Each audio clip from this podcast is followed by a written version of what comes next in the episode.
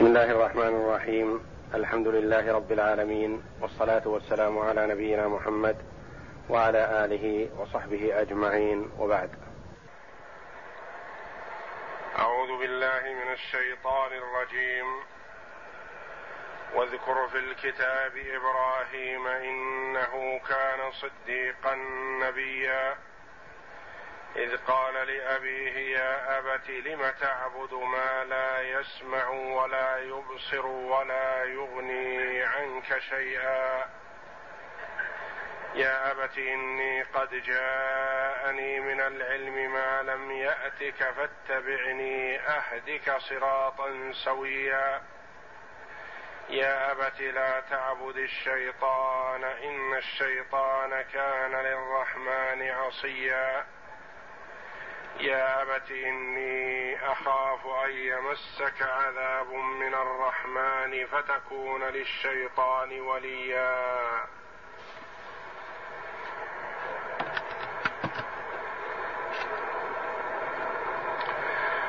يقول الله جل وعلا لعبده ورسوله نبينا محمد صلى الله عليه وسلم واذكر في الكتاب إبراهيم. اذكره على سبيل الثناء عليه.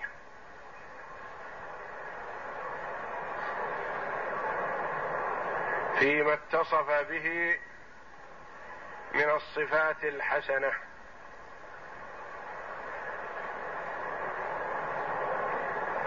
ثم وصفه جل وعلا بقوله إنه كان صديقا نبيا. الصديق صيغة كلمة صديق صيغة مبالغة. أي كثير الصدق أو كثير التصديق. لا يتكلم إلا بكلام صدق.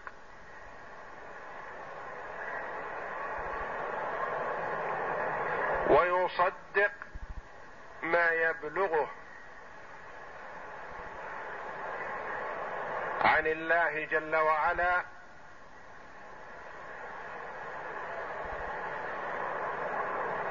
وما يبلغه عن رسل الله. ولهذا سمي أبو بكر رضي الله عنه أفضل هذه الأمة بعد نبيها الصديق لأنه سارع إلى تصديق النبي صلى الله عليه وسلم في كل ما أتى به عليه الصلاة والسلام. ولم يكن عنده أي تردد.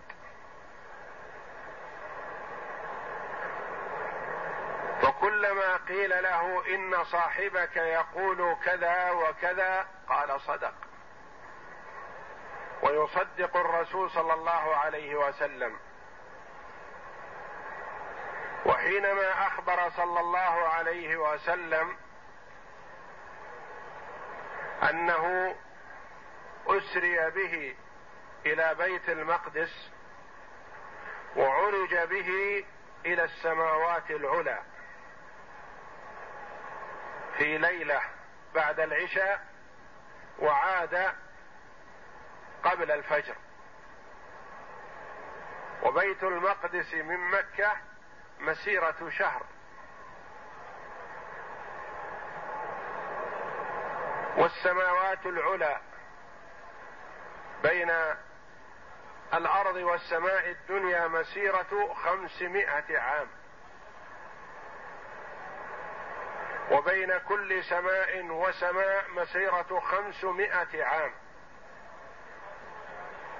وكثف كل سماء مسيرة خمسمائة عام.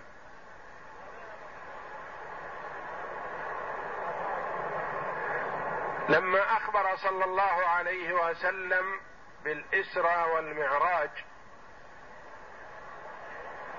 كذبه المشركون وفرحوا بذلك. ظنا منهم أن المسلمين سيتوقفون ولا يصدقون الرسول صلى الله عليه وسلم. فأسرع بهذا الخبر أحدهم إلى أبي بكر الصديق رضي الله عنه. لعله يكذب بذلك لأن هذا لا يدركه العقل. لو كان الأمر شيئا عاديا لكن قدرة الله جل وعلا لا يعجزها شيء ولا يصعب عليها شيء. فسارع أحدهم إلى أبي بكر وقال أعلمت ما قال صاحبك؟ قال وماذا قال؟ فقص عليه ما سمع. فقال أبو بكر الصديق رضي الله عنه قولته المشهورة إن كان قاله فقد صدق. فمن يومها سمي أبو بكر بهذه الصفة العظيمة الصديق صديق هذه الأمة رضي الله عنه. والله جل وعلا وصف إبراهيم بأنه صديق.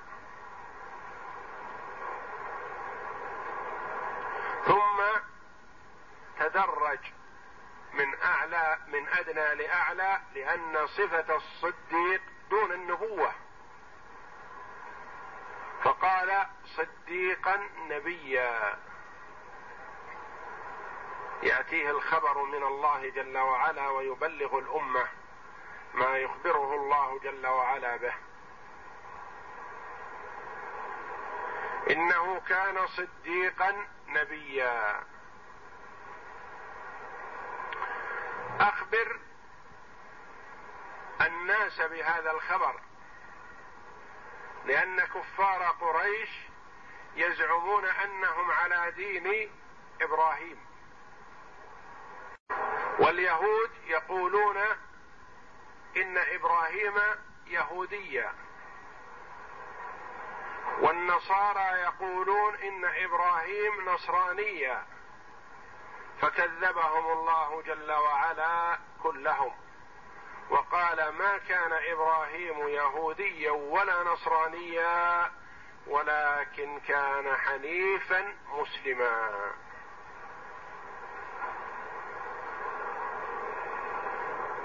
فهو عليه الصلاة والسلام الوحيد من الأنبياء في أن جل الطوائف تعظمه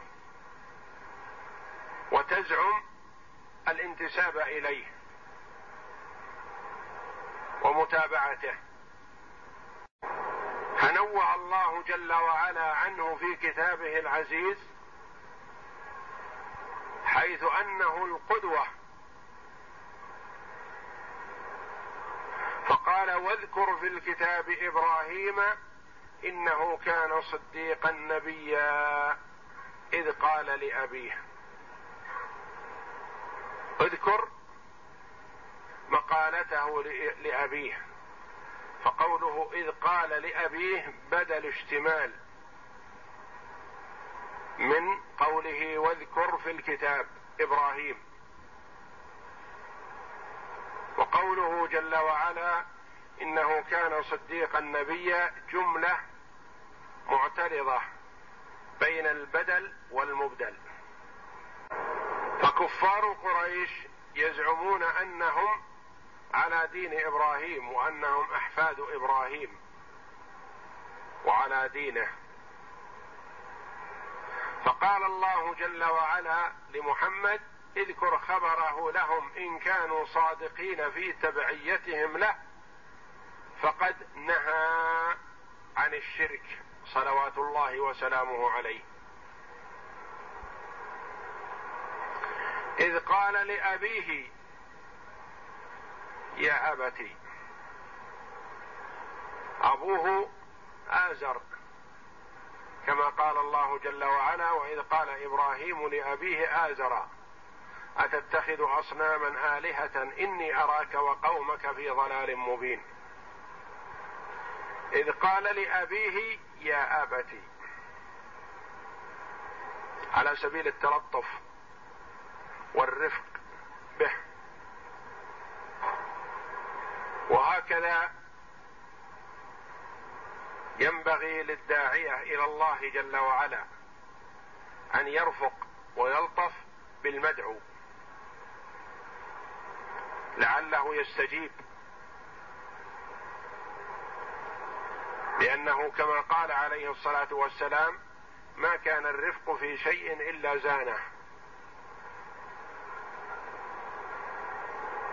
والله جل وعلا يقول ادع إلى سبيل ربك بالحكمة والموعظة الحسنة.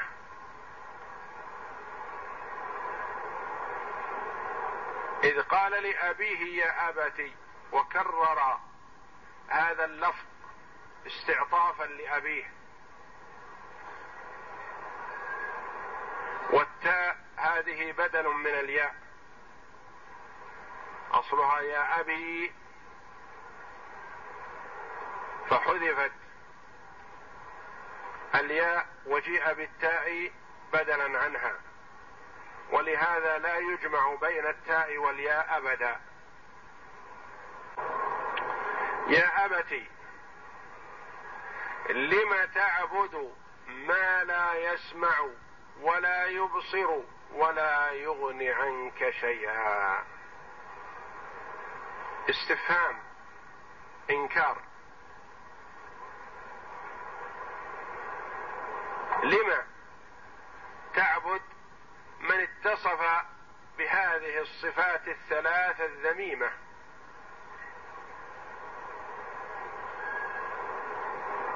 فالمعبود يعبده العابد يرجو نفعه ويأمل أن يسمع كلامه ودعاءه. ويبصر حاله.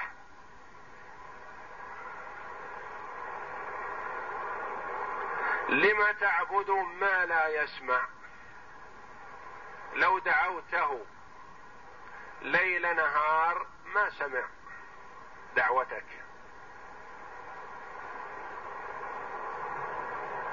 ولو تعرضت له دائما وأبدا ما رآك وما أبصرك. صنم. حجر أو شجر أو خشبة أو بناء كماد لا يسمع دعاءك ولا يبصر حالك ولا يغني عنك شيئا. لا ينفعك ولا يدفع عنك ضر. لا ينفعك بخير ولا يدفع عنك ضرر.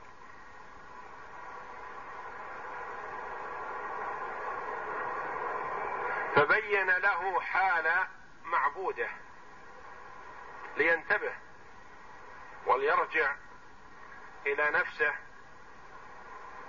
وليتأمل أن مثل هذا لا يصلح للعبادة. ولعله حينما يبين له حال معبوده يسأل يقول أرشدني أو دلني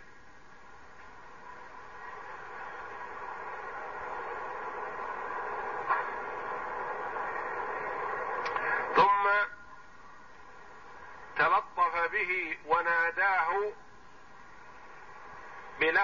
بلفظ الابوه مرة ثانية. يا ابت إني قد جاءني من العلم ما لم يأتك. فاتبعني أهدك صراطا سويا.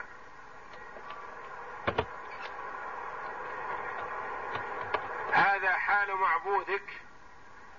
هذه صفته لا ينفع ولا يضر ولا يسمع ولا يبصر وأنا عندي علم جاءني من الله. فأنا وإن كنت ابنك وأصغر منك سنا فقد جاءني علم من الله جل وعلا. جاءني علم لم تعلمه ولم تطلع عليه. والعلم ليس بالكبر وإنما هو توفيق من الله جل وعلا.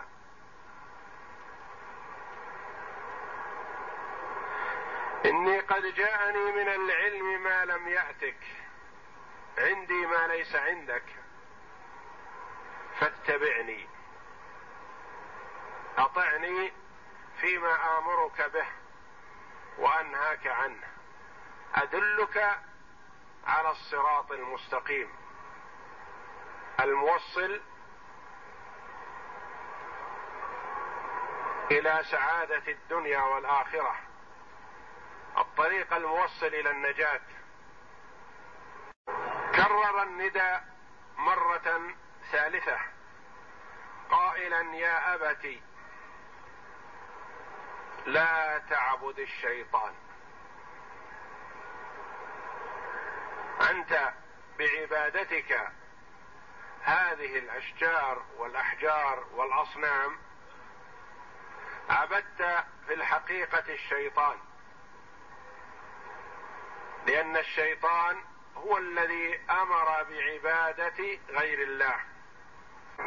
فهذه الأصنام لم تأمر بعبادتها ولا تدري عن شيئا عن شيء لأنها جمادات. وإنما الذي أمر بعبادتها هو الشيطان. فمن عبد صنما كائنا ما كان فكأنما عبد الشيطان.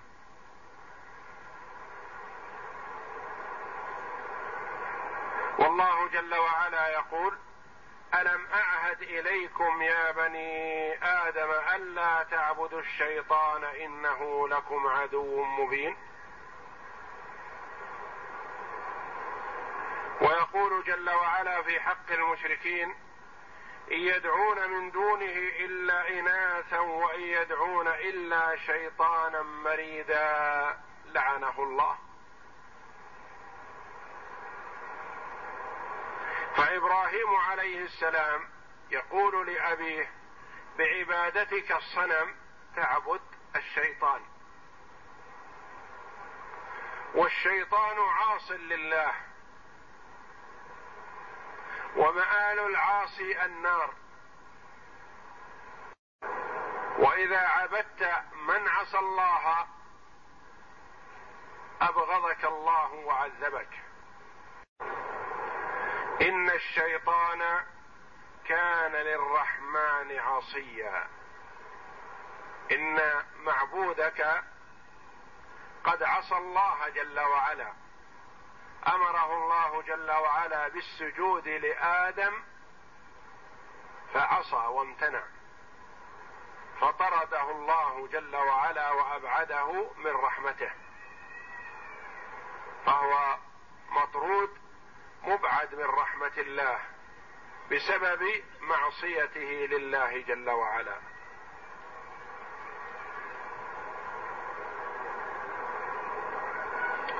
ثم خوفه وحذره من سوء العاقبة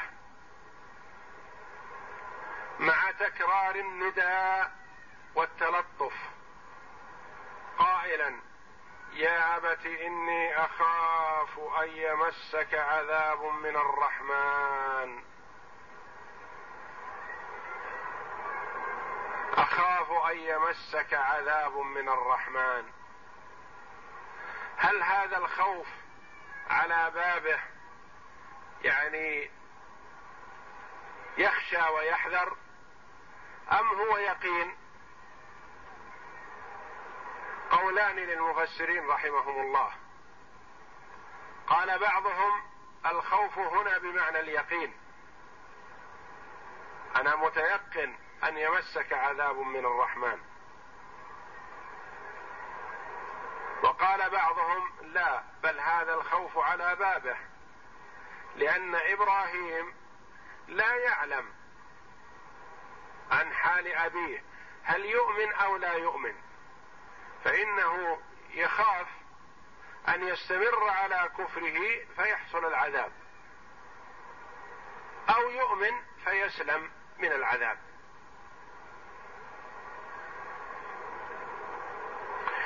إني أخاف أن يمسك عذاب من الرحمن بعبادتك الشيطان وطاعتك إياه. فتكون للشيطان وليا. تكون للشيطان مواليا متابعا إذا استمررت على عبادة الأصنام كنت متابعا للشيطان فكنت من أوليائه.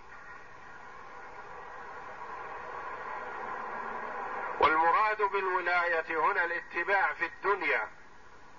وأما في الآخرة فلا ولاية بينهم ولا محبة كما قال الله جل وعلا الأخلاء يومئذ بعضهم لبعض عدو إلا المتقين. فالكفار في نار جهنم يلعنون الشيطان والشيطان يلعنهم. يمقت بعضهم بعضا. حين لا ينفعهم ذلك. ولو عصوه في الدنيا ولم يطيعوه لسعدوا في الدنيا والآخرة. لكن مقتهم إياه في الدنيا في الآخرة ولعنهم إياه لا يفيدهم شيئا. يا أبت إني أخاف أن يمسك عذاب من الرحمن فتكون للشيطان وليا. لأن من غضب الله عليه فهو من أتباع الشيطان. لأن الله جل وعلا لا يغضب على من اتبع الرسل وإنما يغضب على من عصى رسله واتبع الشيطان. فإذا كنت من أولياء الشيطان تحقق العذاب لك في الدار الآخرة.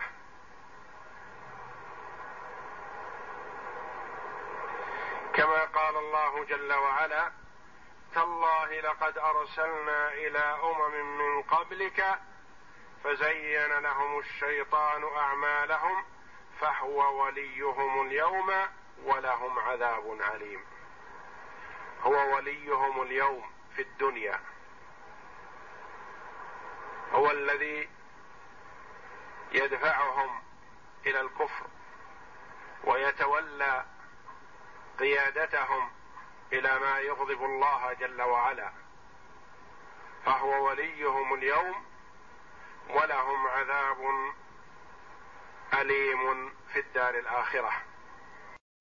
وخبر إبراهيم مع أبيه على إبراهيم وعلى نبينا أفضل الصلاة والسلام.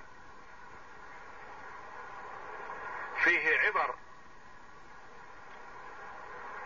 وفوائد جمة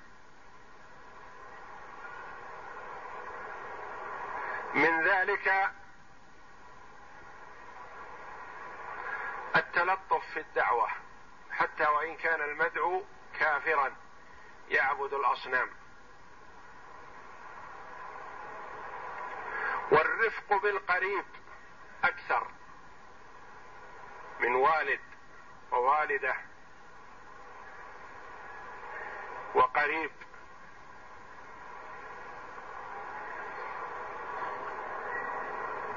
والله جل وعلا قال في حق الوالدين وإن جاهداك على أن تشرك بي ما ليس لك به علم فلا تطعهما وصاحبهما في الدنيا معروفا. صاحبهم في الدنيا بالمعروف وإن كانا كافرين. ويبذل المرء ما عنده من علم حتى وإن كان لمن هو أكبر منه سنا. فلا يقل الولد الصغير الذي عنده شيء من العلم يجهله أبواه. أبواي أكبر مني وأعرف. يبذل ما عنده من العلم ويدعو أبويه إلى الخير. وإلى ما فيه السعادة فهذا من أكمل البر أن ينقذ الله الوالدين أو أحدهما بولدهما من المعصية أو من الانحراف أو من الوقوع في شيء من المخالفات.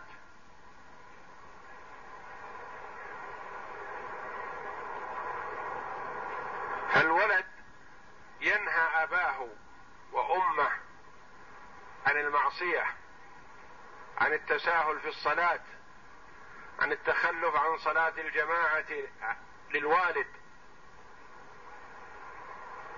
عن استعمال شيء من المحرمات من الخمر أو الدخان من التعامل بالمعاملات المحرمة. كالغش والخديعة والربا.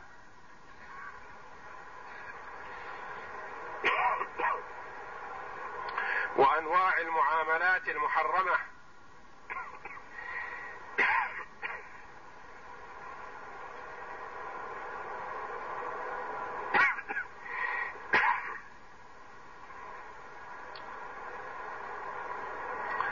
ولتكن الدعوة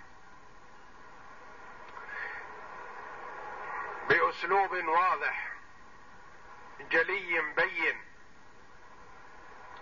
يستفيد المدعو ويدرك ما يقال له.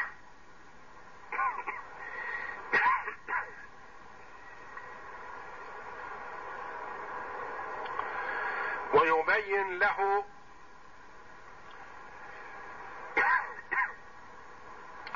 سوء صنيعه. والعمل السيء الذي هو واقع فيه يبين عيوبه ليدركها المدعو فلعله أن يرعوي ويبتعد. فإبراهيم عليه السلام اولا بين حال مدعو أبيه.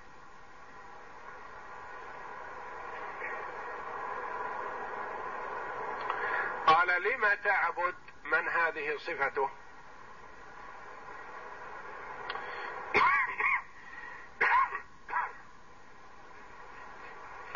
أعبد من إذا دعوته سمع دعاءك وإذا تضرعت إليه وخضعت بين يديه نظر نظرك بعين الرحمة.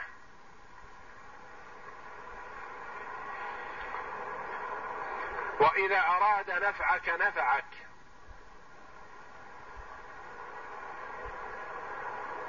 ولو أراد عذابك قدر على ذلك. فتضرع إلى من بيده النفع وبيده الضر. لا يدعوه إلى جهل مثل جهله أو دونه. لا يدعوه إلى شيء بالظن والخرص أو التخمين.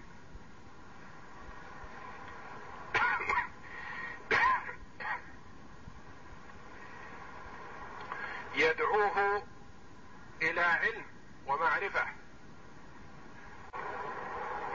ويرشده بأنه سيدله على الصراط المستقيم.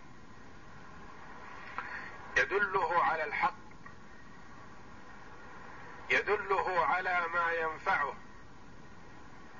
أهدك صراطا سويا يعني مستقيما لا اعوجاج فيه.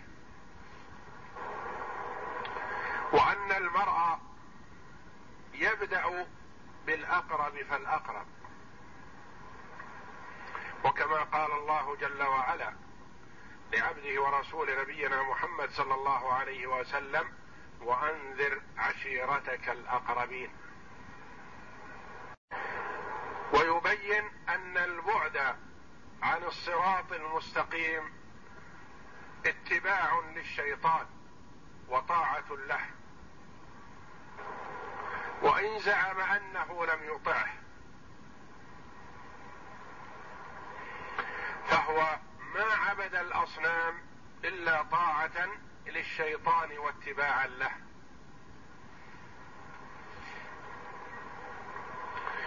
ويبين له مآل ما هو عليه من القبح والسوء. أن مآله إلى النار. وأن مآل ما يدعو إليه إلى الجنة. أهدك صراطا سويا. أدلك على طريق مستقيم. يوصلك إلى رضوان الله وجنته. ويخلص ويصدق الله في دعوته. فإذا أخلص وصدق الله في دعوته فحري أن يستجاب له. والداعي مأجور. استجيب له أو لا. إن كان الله جل وعلا قد كتب الهداية للمدعو استجاب واستقام وللداعي مثل أجره من غير أن ينقص من أجره شيء. من دعا إلى هدى فله مثل أجور من تبعه لا ينقص ذلك من أجورهم شيئا. وإن لم يستقم المدعو فيؤجر الداعي وتبرأ ذمته وحينئذ يعلم أن الله جل وعلا لا يهدي من أضل من كتب عليه الشقاوة والعياذ بالله. وكما قال الله جل وعلا لعبده ورسوله نبينا محمد صلى الله عليه وسلم إنك لا تهدي من أحببت ولكن الله يهدي من يشاء. فيخلص الداعي في دعوته ويطلب رضا الله جل وعلا ويرفق بالمدعو لينال الثواب الجزيل من الله جل وعلا. مقتديا في ذلك بالخليلين عليهما الصلاة والسلام إبراهيم ومحمد صلى الله عليهما وعلى سائر النبيين وسلم تسليما كثيرا والله أعلم. وصلى الله وسلم وبارك على عبد ورسول نبينا محمد وعلى آله وصحبه أجمعين.